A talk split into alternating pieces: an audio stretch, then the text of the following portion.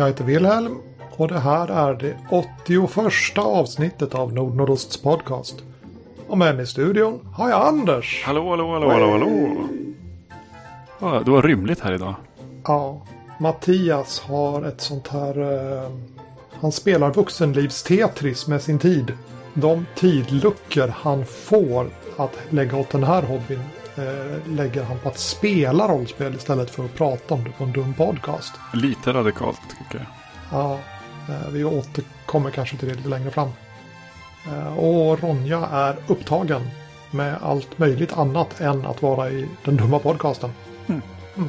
Ja, vad gör hon egentligen? Hon har, hon har en Patreon. Jag har en Patreon. Eh, Jag har haft det ett tag men den är lite extra aktuell just nu. Har jag själv pushat lite grann för att kolla den här grejen finns förresten. Hon kommer lägga upp lite grejer. Det första man eh, gör om man klickar sig in på den det är att man får säga om man är 18 år. För det finns bland annat sjöjungfrur där.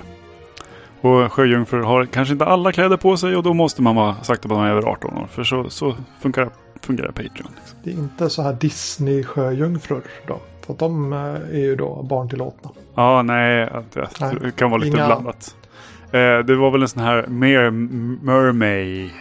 Sån här, eh, har ritat eh, sjöjungfrur i maj. Eh, Okej. Samma vis som det finns var det Inktober, så Mermaid och ja, lite olika sådana här utmaningar. Den är ju lite djurfascinerad sådär. Sjöjungfrur av olika riktiga fiskar. Får se hur det blir. Mm.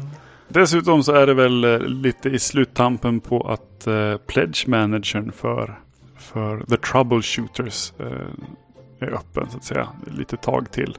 Eh, och det är väl en av sakerna hon är upptagen med. Eh, göra sista bilderna till det. Och då kom det upp en bild på, på eh, Astrid. Som kommer vara med i boken. Hennes hund som inte kom hem igen tyvärr. Vart nu Astrid har hamnat sig.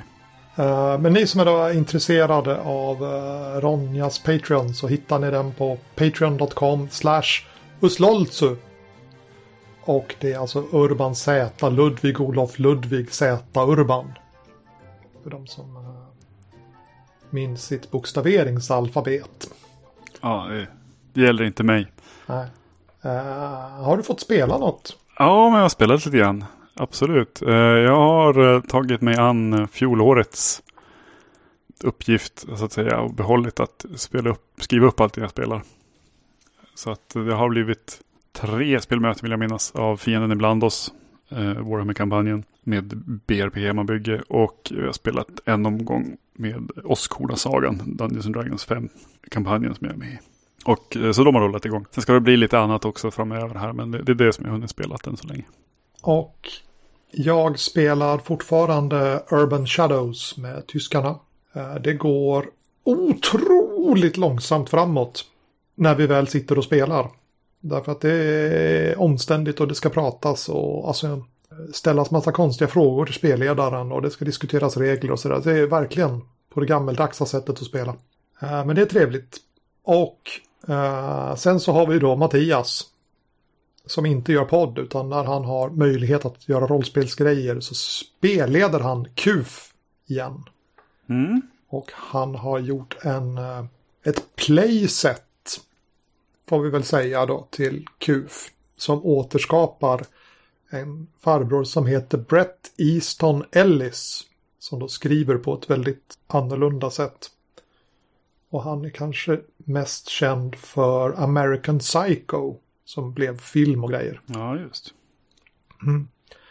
Så han har gjort någon sorts uh, Brett Easton Ellis playset till KUF och det är då detta vi spelar. Ja, jag har kikat lite grann på kampanjkrönikan, eller vad jag ska kalla det, som kommer upp på rollspel.nu och förstår det som att det är mycket tabelldrivet.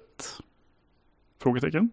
Ja, jo, han, eh, han började ju det där tabelldrivna rollspelandet med eh, Norrlands inland-kampanjen som vi spelade Mm. för två år sedan nu då. Och sen så har han då raffinerat det. Han har tagit fraktionssystemet från, från den och så fläskat ut lite grann. Och nu har han dessutom en scengenerator som gör eh, Brett Easton Ellis stilade scener om då amerikansk dekadent ungdom som drogar, knullar och festar. Då.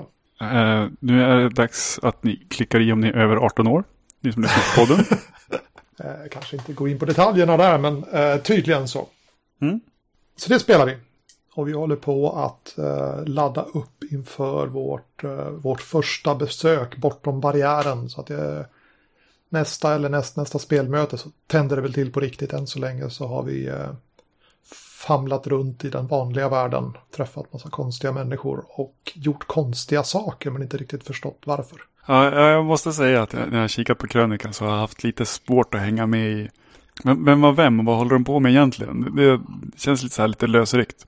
Men eh, det är ju väldigt flavor-tungt, det, det jag ser på något vis. Mm. Väldigt specifikt och det här med att eh, de vanliga kufarna, som, som när jag var med och spelade på Gothcon, då har jag för mig att jag var sjuksköterska liksom. Mm. Det är ändå så här relaterbara kufar på ett annat sätt än det här verkar vara. Det verkar vara väldigt specifika människor. Ja, jag spelar en eh, fastighetsmäklare.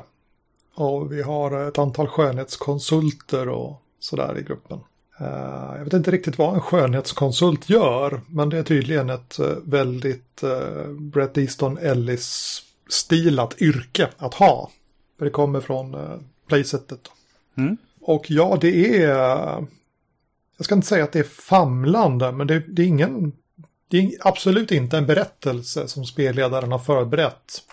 Utan det är verkligen det här emergent play på något vis. Att vi, alltså, tabellerna säger saker som ja, ni är på fest och det är dekadent och det finns droger och sen så okej, okay, ja då är vi här då. Var, varför i hela friden är vi här? Jo, så börjar spelarna spåna på någon sorts rationell till att varför i hela friden gör vi de här sakerna? Ja, sådär. Så att det är lite baklänges kanske. Om man jämför med att spela ett förberett äventyr. Men väldigt nära OSR-tänk OSR-tänket då. Att man ska underkasta sig vad tabellerna säger och så hitta berättelsen i, i det som kommer ur tabellerna. Cool. Så. Jag på sidan av det här smyg, smyggooglar lite grann och kommer fram till att som skönhetskonsult ska du hjälpa kunden att välja rätt skönhetsprodukter. Man kanske skulle Ja, vad står det här då? Beauty consultants are also called cosmeticians. Vad man nu kallar det på svenska. Okej. Okay. Vi, är helt enkelt som, som de sminkanalfabeter vi är. Eh, lite utanför vårt eh, expertisområde. Ja, ja tyvärr. Uh, men eftersom de här figurerna i uh, hans böcker aldrig ägnar sig åt sitt yrke utan de bara har yrket och sen så ägnar de sig åt partajande då, vara dekadenta. Mm. Så gör det inte så mycket att man inte vet vad uh, yrket gör. Nej, det är perfekt.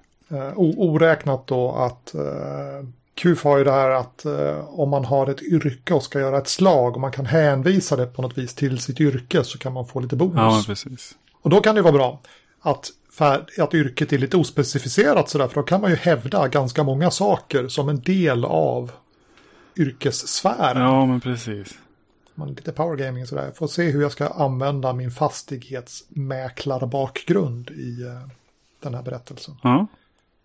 Mm. Jag ser fram emot att höra mer om. Uh, och jag ser fram emot att spela någonting mer om det där. Men det är först om en vecka som vi har uh, en ny tidlucka i Mattias Tetris där. Mm. Jag tänkte att vi skulle ha ett ämne idag också och vi är otroligt snabba till ämnet. Det är bara tio minuter in i podden. Oj, ska vi prata om blomkål istället? Ja. Jag körde lite blomkål in i en form i ugnen helt enkelt med olja och lite curry och garam masala och sådär. Det är bara, ja du vet. Choppa mm. upp dem och skjutsa runt dem och låta dem stå i 20 minuter. Ja, ja. sköter sig själv grej. Jo men precis. Nej, jag har, äh, alltså jag hade ingredienserna till pyttipanna egentligen. Men jag, det var ju lite oklart när vi skulle sätta oss. Så jag tänkte, men jag gör väl en soppa då, för det går ju att göra en soppa på samma ingredienser. Typ lite potatis och lök och blandade köttar. Uh, och den står nu på spisen och småbubblar försiktigt. Apropå pyttipanna så läste jag ut en bok i morse. Eh, Nattkorpen av, törs jag säga Johan Rundberg utan att googla det där.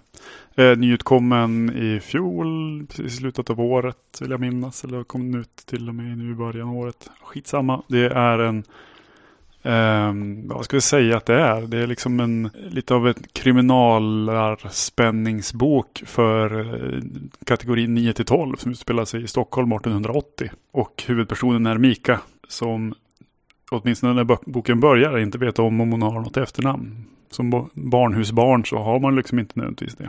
Och hon blir indragen i att hjälpa en konstapel Valdemar Hoff med att uh, undersöka ett fall. Är det uh, en härmare. Har de fått en copycat killer som dykt upp. För den där nattkorpen som mördade folk häromåret. Han är ju avrättad. Eller hur? Punkt, punkt, punkt, frågetecken. Eller hur? Aj, aj. Mm. Mm. Eh, och vid ett tillfälle så, så eh, säger eh, Hoff någonting om pyttipanna och eh, Mika vet liksom inte vad det är för någonting. För att hon får äta krampsill jag antar att den heter så för att man får kramp eller någonting. Jag har inte googlat den. Eh, och eh, ja, grynvälling och sånt på barnhuset. Och hos eh, Valdemar får hon då i boken äta pyttipanna. Eh, och det här är alltså smällkalla vintern. De har fått stänga ner avdelningar på, i barnhuset och tränga ihop sig flera i samma säng och sådär. Vi kan säga att de äter inte så himla gott heller för att eh, centrala Stockholm är liksom stängt för att tullarna har liksom snöat igen och isat igen och sådär. Det kommer inte in något särskilt mycket ny mat och färsk mat. Så hon eh, trycker i sig så mycket av den pyttipannan eh, så fort att eh, trots att det är det godaste hon någonsin ätit så är det bara att spy upp alltihopa så fort hon kommit ut igen. Aj då. Ja. På tal om min soppa då som jag då Ja, ska tugga. äta med något större sans. Ja, precis. Gör det. Tugga ordentligt. Och så vidare. Men det var en riktigt bra bok. Om någon behöver en, ja. om någon behöver en uh, spänningsdeckare med seriemördare 1880 för tioåringar. Liksom. Eller mm. sådär. Men det är ju uh, fräsigt kanske. Jag, jag, tror inte att när jag var tio år att barnböckerna hade mördare i sig. De hade uh, betydligt snällare skurkar. Typ folk som snattade tulpaner och sånt där.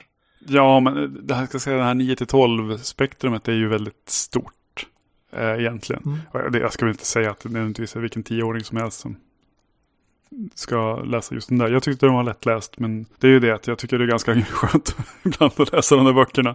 För så fort det börjar bli ungdomsböcker, liksom grovt taget 13 år uppåt, då, då börjar det vara riktiga böcker så att säga i, i längd och hur, hur mycket text det är.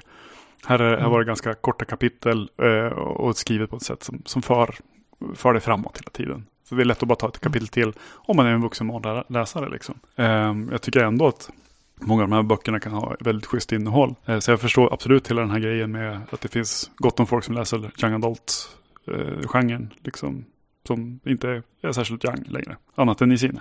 Det finns ju folk som tittar på YouTube istället för att uh, se mastodontfilmer också. Jag antar att det är lite grann samma lockelse där, att man får grejen utan investeringen. Eller med lindrigare investering i alla fall. Ja, det kan vara lite olika sånt där. Ja. För ja. min del är det ju förstås det är jobbrelaterat. Jag, jag ska ha någonting ja. Eh, och se vad som kommer och vad, vad som verkar spännande och vad ska jag rekommendera och sånt där. Eh, men jag tyckte det var ganska frän och jag, jag var lite tillbaka på tidsramen först. Jag trodde den skulle utspela sig tidigare än, än så. Men eh, 1880 visade sig vara, ja, den var cool. Jag tror det kommer fler delar så att jag ser fram emot dem. Ja, det, nu. Slut på den ja. utvikningen. Det, det lilla stickspåret om uh, pyttipanna. Mm. Faran med att äta densamma hastigt. Man kan hamna i en mordgåta. Uh, jo, det är så att det finns Facebook. Och på detta Facebook så finns det en grupp nu för tiden då. Som heter Rollspelsnostalgi. Och där finns det ett, ett huvudsakligen eh, farbröder som skryter med sina inplastade äventyrsspelsböcker. Det finns några som spelar också, men i huvudsak så ska man gå dit och så ska man visa upp sin, sin samling med orörda äventyrsspelsgrejer. Det är det som är som grejen med denna grupp. Ja. Och jag började tänka på min egen äh, äventyrsspelsperiod. Om jag som spolade tillbaks mig själv där då, vad kan det vara, 30 år i tiden. Och försökte så, ja men vi brukar ju ha lite så här, eh, vi pratar rollspel och vi försöker delge någon sorts informativt budskap. Hjälpsamma pekpinnar om rollspelstips och sådär. Och jag tänkte, finns det någonting från denna epok som jag idag kan se tillbaka till på och säga liksom, ja men det här, det var bra, eller det gjorde våra historier intressantare, eller det var som en ögonöppnare i rollspel. Och ja, det gjorde det när jag verkligen skärskådade mig, för att det fanns eh, frågan om tiden. Mhm. Så jag tänkte att vi ska prata om tiden idag. Mm, spännande. Mm, tiden i begreppet av hur fort berättelsen löper jämfört med hur fort tiden går vid spelbordet på något vis. Så här, man kanske kan tänka sig att man har en, jag försöker säga VHS-spelare här, men vi antar att alla våra lyssnare är så gamla att de vet vad en VHS-spelare är. Det är alltså en DVD-spelare fast magnetisk. Ja, Eh. Mm. Ja. Där man kunde som, eh, man kunde se en film. Och sen så kunde man, om man hade en fjärrkontroll, kunde man som trycka på fast forward. Och då gick gubbarna jättefort. Det var som roligt att se då. Och man kunde kanske till och med ha en sån vräka att man kunde trycka på slow. Så att bandet spelades lite långsammare så att eh, gubbarna rörde sig långsammare. Så det är liksom den modellen jag har i mitt huvud. När spelar vi med eh, snabbhetsknappen intryckt och när spelar vi med långsamknappen intryckt och när spelar vi bara. Så, eh, förstår du min liknelse? Ja, den var intressant. Eh, jag, när jag tänker på det sådär så eh, pratar vi tid och rollspel. Så tänker jag ju mer på hopp än på eh, snabbare, eller, eller vad ska jag säga, snabbare eller långsammare flytande. Så sätt. Eh, men det är ju också en, en sida av det förstås.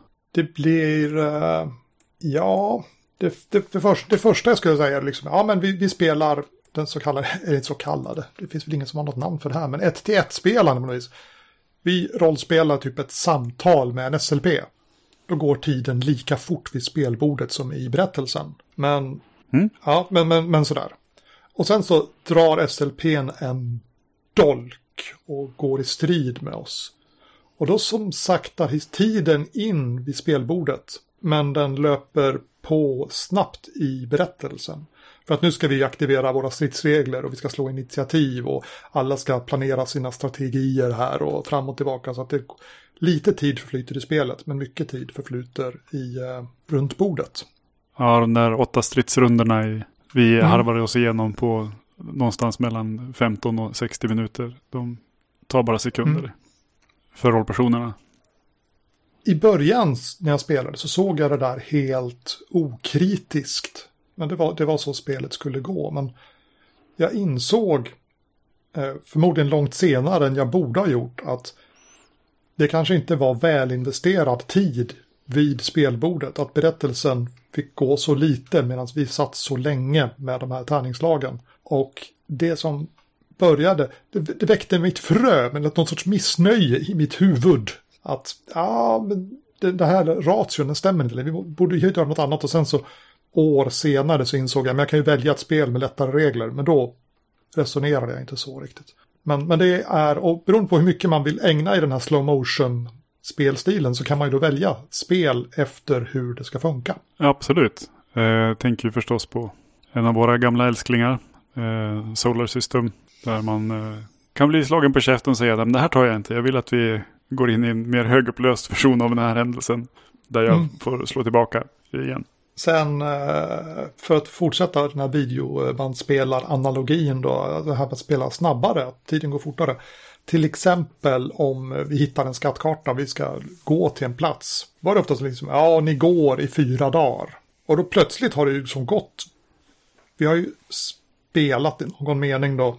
Det här med fyra dagarna. Och det kanske till och med någon som säger, ja under resan så gör jag de här sakerna. Och någon annan fyller på och bara, jag vill gå och jaga och sen så sticker man ut på något stickspår därifrån den här fyra dagars promenaden för att, för att rollspela lite mer då. Men, men generellt så, så fyller man tiden kontinuerligt hela vägen fram och det är liksom saker och ting sker i tur och ordning. Man hoppar inte någonting utan man, man tar saker i tur och ordning och det får ta lite tid då. Och så spelade vi väldigt länge men sen en dag så var det någon som fick ett, en snilleblixt.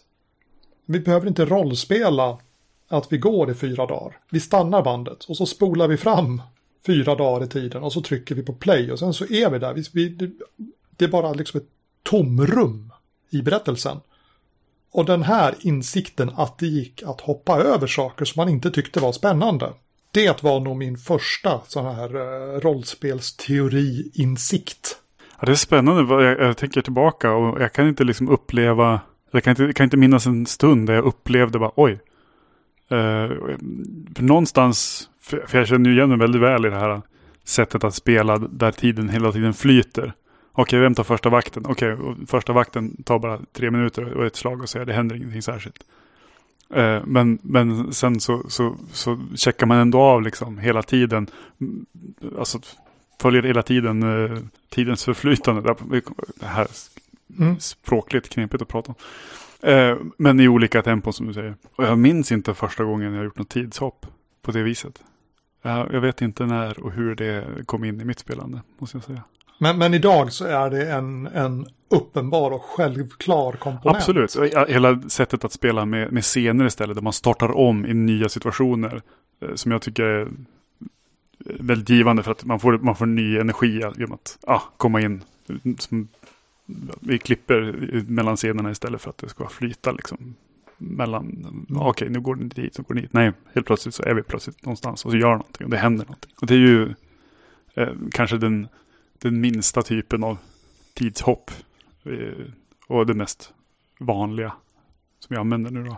Och på tal om min Urban Shadows-kampanj då, som jag spelar med tyskarna.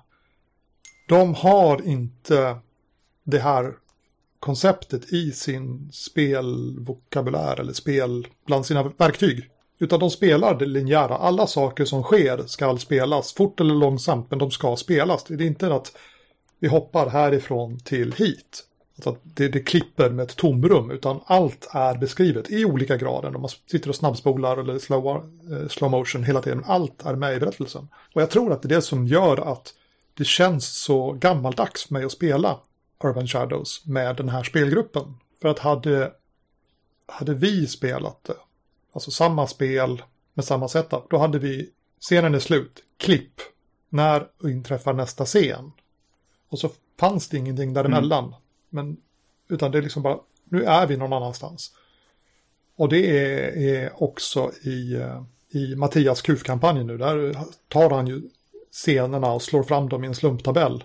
Så att ja, nu är den här scenen slut. Nästa gång vi ser rollpersonerna, det är som, som så här ögonblicksbilder av deras liv som bara frikopplat från varandra visas. Det finns ingen kontinuitet däremellan. Ibland så refererar rollpersonerna till saker som de möjligen skulle ha gjort på vägen fram dit då, men det spelas inte. Men i alla fall, det är hoppen framåt. Och det finns ju mer eller mindre extrema sådana. När vi spelade Skuggan av igår. Eh, vad fyller kampanjen nu? Är det 11-12 år? Eh, vi hänvisar ju ständigt till denna omgång. Mm. Då började ju rollpersonerna som barn egentligen. Det var tidig tonår eller inte tonår beroende på hur gamla de var. Men det var väldigt unga rollpersoner. Vänta, 11-12 år, var det inte 2007? Det är inte 14 i år liksom. Oj, Jesus. Aj, aj, aj. Anyway, snart kan uh, kampanjen klicka sig in på Ronjas Patreon. Utan att ljuga. Eh, ja, men då precis, då gjorde vi precis den här klassiska, eller inte klassiska, jag, jag, skulle säga att det kändes klassiskt på sätt och vis. Hela den här, vi börjar som kids i byn som du säger, och så hoppar vi framåt.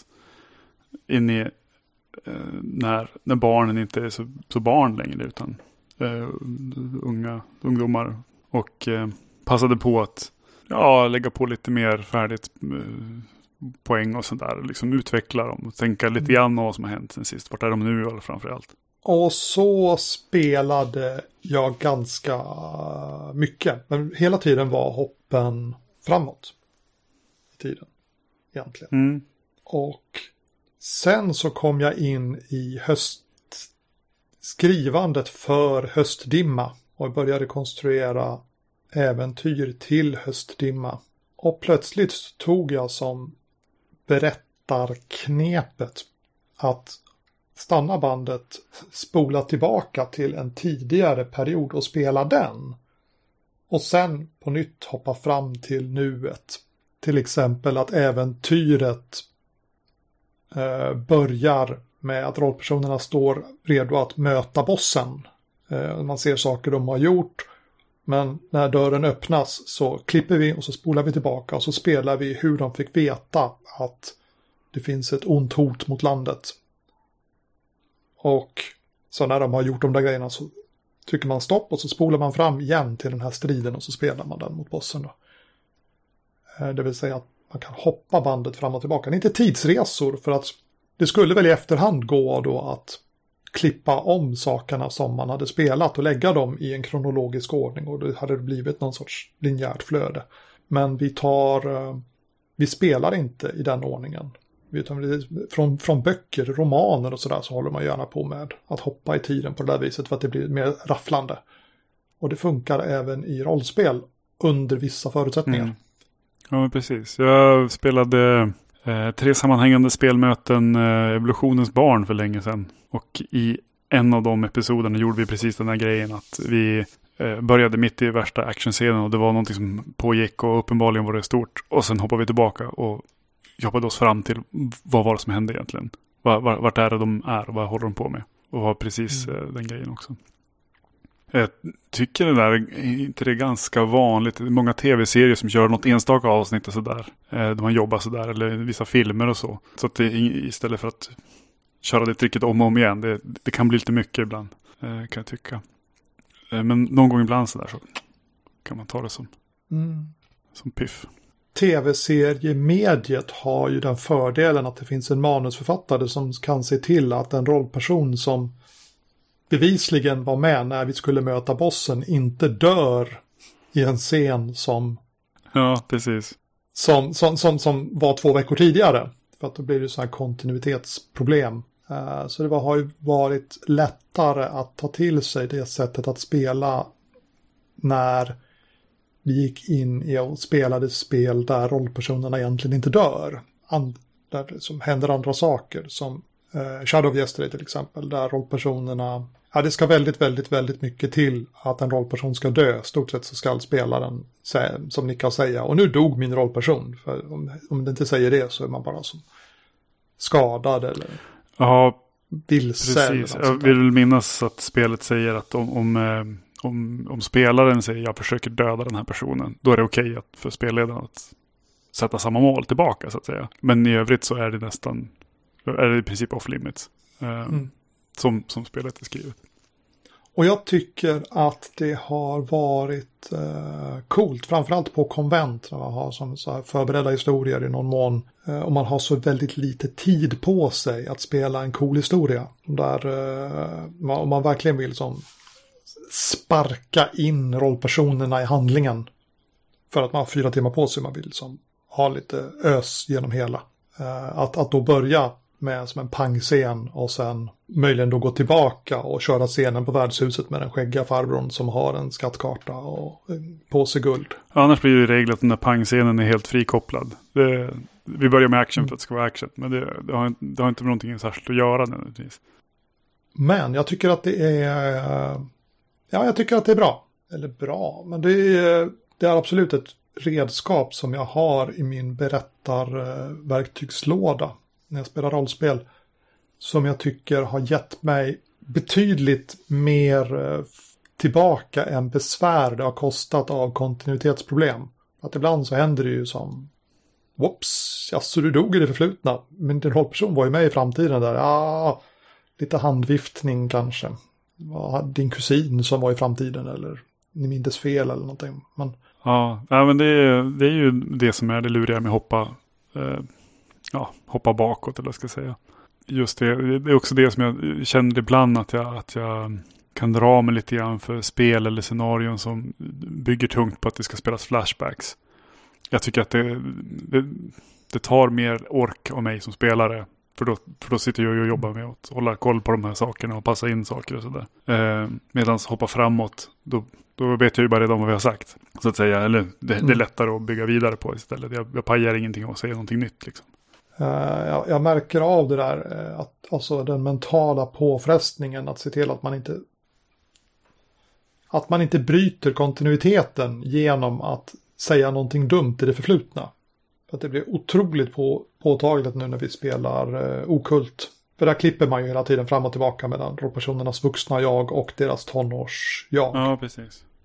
det är inte alltid lätt att ha tungan rätt i mun och liksom bara, ja den här scenen utspelar sig för 15 år sedan. Men den är efter scenen på julkalaset. Men den är före nyårsfesten och så hände någonting på julkalaset och på nyårsfesten då med relationerna mellan rollpersonerna som spolar tillbaka sin hjärna till rollpersonen så som den var efter jul men inte med förändringarna som den fick på mm, nyårsfesten. Mm, mm. Det är jo att hoppa bakåt, att, att spola bandet bakåt. Det är det är mer krävande. Och det är inte bara spelledaren som, utan alla spelarna måste också som vara med i vad som, vad som har sagts. Man måste vara skärpt när man spelar. Men jag tycker att det är värt besväret om man orkar med det. Därför att det blir coola berättelser. Uh, och det var ett ämne. Hur lång tid har gått? En halvtimme? Knappt. Eh, inte, inte på ämnet i alla fall. Eh, jag tänkte hoppa tillbaka till hoppa framåt, höll jag på att säga. Ja. Eh, follow är ett annat spel jag har spel, spelat en hel del, eh, höll jag på att säga. Men eh, vi har pratat om flera gånger också. Eh, och där det som uttryckligen går ut på att, på att zooma ut när det gäller tidsskalan. Att man gör mer nedslag i, i en, den här historien vi berättar. Så vi kan inte se allt, det kommer bli utsnitt. Eh, spelets premiss är ju att man är någon typ av grupp. Eh, inte nödvändigtvis en särskilt tät sammanslutning. Men man, det finns någon sorts gemensamt mål i alla fall. Och i regel så är det ju ett mål som, som är på en större tidsskala än att gå bort, hämta grejen och gå hem. Utan det är ett spel som passar sig för att spela en politisk kampanj eller eh, att eh, grunda ett eh, nytt samhälle efter katastrofen eller sådär.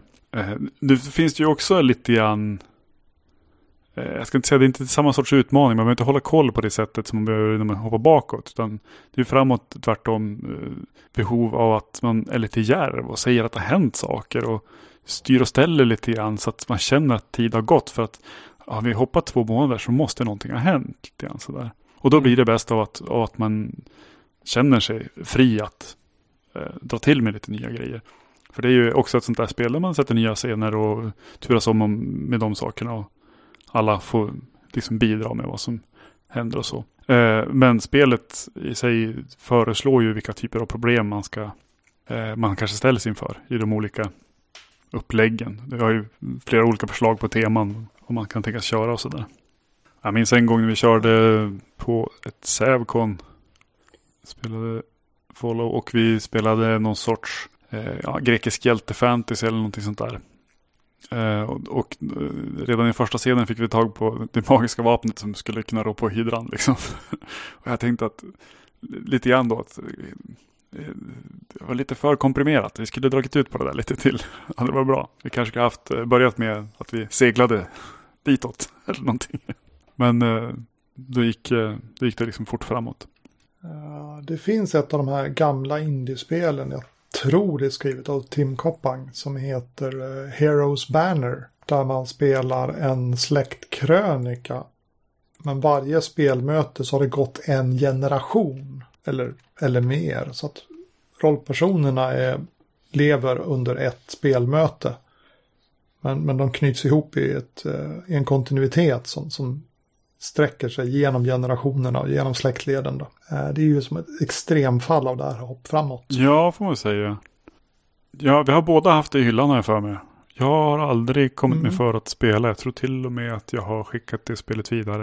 Eh, men det var definitivt en sån där grej som kändes som jag sneglade på och kände. Undrar om du kan ge mig en smak av det som verkar så himla coolt med Pendragon utan att vi spelar 50 spelmöten. Mm. Uh, jag uh, är osäker på om jag har kvar det. Jag kan, det kan vara så att jag som du har låtit det gå vidare. Jag var inte så jättepeppad på regelmekaniken som, som var i det där spelet. Men, men principen tycker jag är cool ändå. Mm. Att vi spelar släktkrönika och man ger, ger, ger det den tiden men man behöver inte... Det blir lätt att hålla reda på, eller lättare att hålla kontinuiteten på något vis när det är nya personer i varje spelmöte. Eftersom, ja men minns lite fel, ja men det är ju, det sägs att. Ja men precis. Vem, vem, vet, hur, vem vet vad farfar egentligen sa i det ja. där läget? Ja det är, det är ganska ballt måste jag säga. Jag, jag, tycker det känns lite grann som en sån här grej som man kan tänka sig att eh, eh snatta utan kontext höll jag på att säga. Eh, på samma vis som eh, tycker att eh, själva upplägget med eh, dockskåpet som är, är konventet i Ars Magica med liksom en, en bred palett av, av um, rollpersoner och sådär. Kan tycka att det här låter ballt också. Man, om man var helt fräckt kan säga att ja, men nu ska vi spela någonting och vi kommer att spela max två spelmöten per rollpersons liv, eller på att säga. Eller två eller tre. Eh, det beror på hur gammal är din rollperson. Okej, okay, det är en rollperson barn. Okej, okay, då, då, kanske du kan hinna med vara var med tre spelmöten i den här kampanjen. Mm. Eh, för då är det en, en är du liten, en är du vuxen och en är du gammal. Om, om du inte har dött ja. på slagfältet innan dess eller vad det nu blir för någonting. Eh, och man behöver egentligen inte nu det handlar ju Heroes Banner vill jag minnas om, om vad som är viktigt för en och sådär. Om man, vill, om man vill låta det handla mer om vad som händer så mm. kan man ju spela det med lite mer vad som helst, vilka regler som helst. Coolt. Han blir lite peppad. kanske, mm. kanske det jag ska ägna mig åt.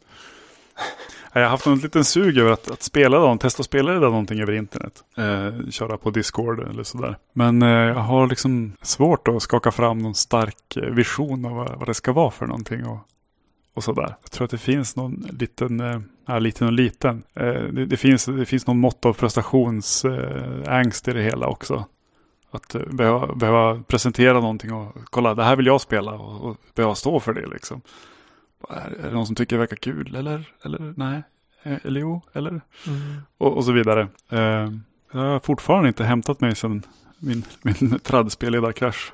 Eh, också kring 2007, där. även ifall det är bättre än förut. Ja, men uh, då tyckte jag väl i allmänhet att man hade sin fångade spelgrupp och sen så sa man det är jag som är spelledaren. Nu när vi har spelat Drakar nu ska vi spela MUTANT. Ni ska vara poliser. Och spelarna nickade snällt och sa ja, klart vi ska vara poliser, det är du, du som spelleder, du bestämmer.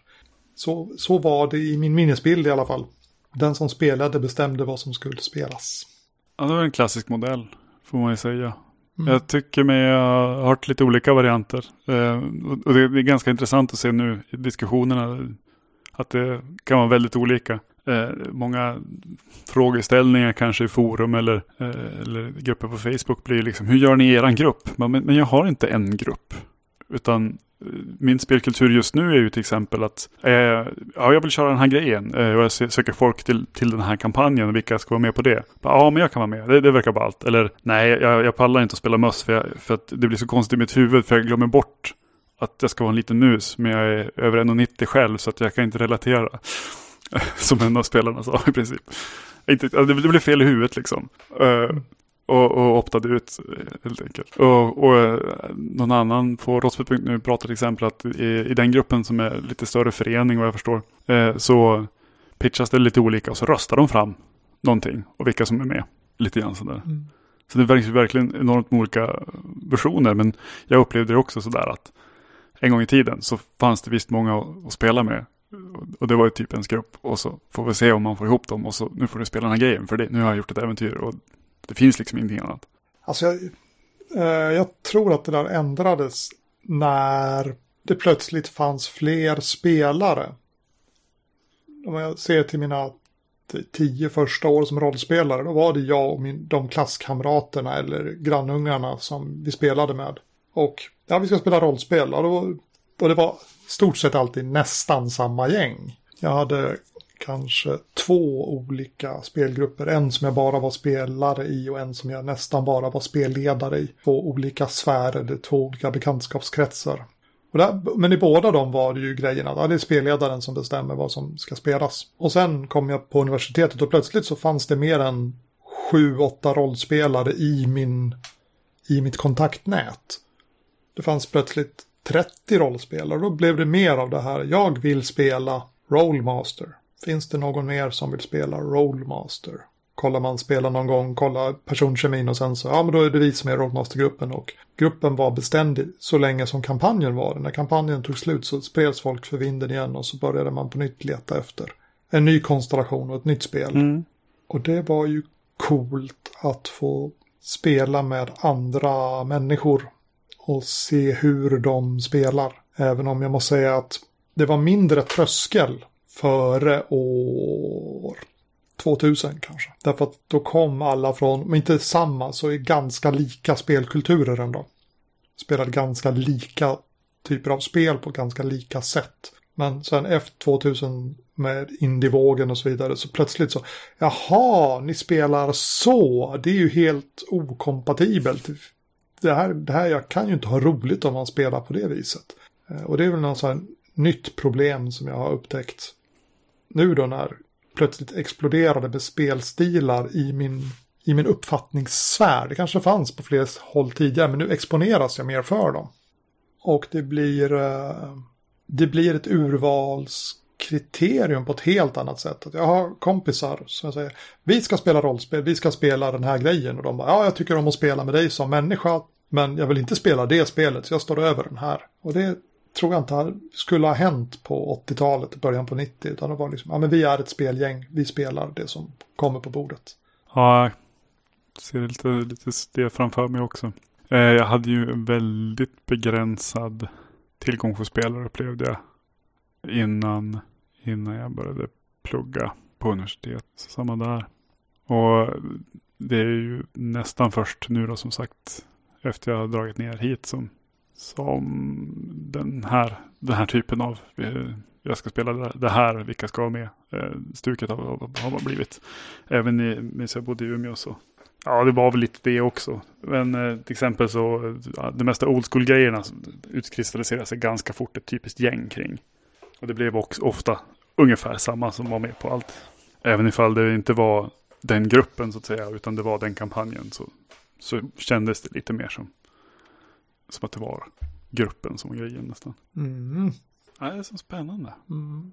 Och, och det tror jag är en del av det jag tänker när jag fantiserar om att spela någonting på Discord. Att, att kanske passa på att höra mig för med folk som jag normalt inte spelar med. För att det vore lite spännande att se.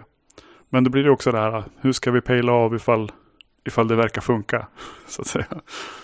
Ja, första dejten där är ju lite spänd. Mm -hmm. Är det så att våra spelstilar har eh, överlapp. Eh, det märkte vi ju nu när vi drog igång eh, KUF-kampanjen. Vi tog in en, en ny person som kommer ur en annan eh, spelstil. Och eh, förmodligen har fått en liten whiplash av, eh, av det sättet som vi spelar. Det funkar. Men det, är, det skaver ibland, måste jag säga. Jag tänker just eh, Brett Easton Ellis kampanjen måste ju vara lite specifik för den, den har ju då den här litterära inspirationen som, som inte nödvändigtvis eh, matchar perfekt med, med någon av någon av inspirationsgrenarna, eller vad ska jag säga, någon av spelstilsgrejerna, ja. utan det, det, är ytterligare en grej. Ytterligare, kampanjen har en väldigt specifik eh, estetik då, eller vad jag ska kalla det. Mm. Och att, att eh, den genom de här scentabellerna blir så, så närvarande liksom. Ja, alltså man blir väldigt utlämnad till, eh, till alltså vad det är som händer i kampanjen på något vis rollpersonerna och framförallt inte spelarna har ju som mycket vagare kontroll över vad det är som försiggår. Det är inte som att vi, ja nu ska vi göra det här, utan det är liksom bara, nu gör ni den här saken. Vad, vad, hur ni reagerar på den här plötsliga situationen, det är ju upp till er, men, men ni håller på med det här just nu. Det, så brukar det ju inte gå till när man spelar rollspel. Kanske som en kampanj, den här kampanjen är ni, är ni poliser. Men här är det ju, i den här kampanjen så är det ju varenda scen den där käftsmällen att nu håller ni på med det här. Agera på det. Mm, ja, eh, det låter läckert. Eh, man kommer ju lära sig någonting med det. Eh, var det fränt? Ska vi göra det här igen? Är det utmattande så man ska tagga lite ner? Är det någonting som kommer att backas på när det kommer bli mer handling? Men bortom barriären så antar jag att han kommer släppa tyglarna till er mycket mer. Jo, men det, är ju tanken att då ska vi väl få hexcrawla eller dungeon-crawla på ett traditionellt OSR-maner. Och då går det ju alltid att säga nej, nu drar vi. Mm. På, ett, på ett lite annat sätt. Tar vi ju hand om varandra i spelgruppen. Vi ska inte hålla på och tvinga folk att göra saker de inte, inte vill, inte mår bra av. Så det går ju som att klippa en scen. Eller säga, den här scenen är inte jag med i. Men narrativet är ju ändå där på något vis. Tänkte jag på någonting. Och så föll det helt bort vad det var för någonting. Ja, var det intressant? Var det relevant? Ja, är det kanske någonting för avsnitt 82? Vi närmar oss vår timme i ja, alla men fall. Precis. Ja, vi får se om det dyker upp igen. Eller så gör det inte det. Ja. Och eh, risken var ju att det var bara någon sorts utvikning. Och då kommer ni aldrig märka någon skillnad. Då kanske den är med i avsnitt 82 utan att jag vet om det. Ja, Uh, jag, jag, jag, jag, är lite, jag är lite tveksam sådär. Om jag, om jag ska gå ut med en efterlysning. Mm. Jag har i något tidigare avsnitt sagt att uh, det borde göras ett avsnitt om Cyberpunk 2077. Det här uh, dataspelet. Ja, just. Som jag har förspullit min tid åt. Men det är lite oklart. Eh, varken du eller Mattias är ju några no större tv-spelsfantaster. Nej, precis. Jag är lite osäker på om Ronja ska spela detta. Men, men bara för, för diskussionens skull så att det är du en lyssnare som spelar rollspel och eh, är pepp på, eller pepp eller med, eh, något sån här bekant med just specifikt dataspelet Cyberpunk 2077, inte rollspelet. Och tycker att det skulle vara roligt att vara gästkommentator, gästexpert i Nordostpodden för att prata om hur, vad, vad, vi kan ta från detta datorspel till rollspel eller konverteringar eller ifall det finns några varnande läxor eller lite kanske någon sorts recensionsaktigt från rollspelarperspektiv eller något sånt där. Något sånt. Så kan du ju höra av dig i eh, kanalen, vad heter det, i gruppen på Facebook. Så kanske vi kan eh, snacka ihop oss lite. Det låter ju mm. väldigt lämpligt. Ja, eller så pratar jag själv. Det har ju hänt förr, men det kanske hade varit roligt att bolla det lite. tror jag. Ja. Uh, men då så. Då. Anders. Tack för Tack idag. för och jag tror att min soppa är uh, i högsta grad färdig. Jag tror att den skulle ha övergått till en gryta nu ifall det har bubblat bort lite vatten från Mm. den också. Så att det är nog högsta, högsta grad dags att jag Mm. käkar. Tugga ordentligt. Ja, det kommer nog inte behövas ifall soppan har kokat i tre timmar. Jag tror att om jag som touchar den med skeden så kommer det nog bli grönt. Ja, ja, jag vill bara göra en comeback till boken.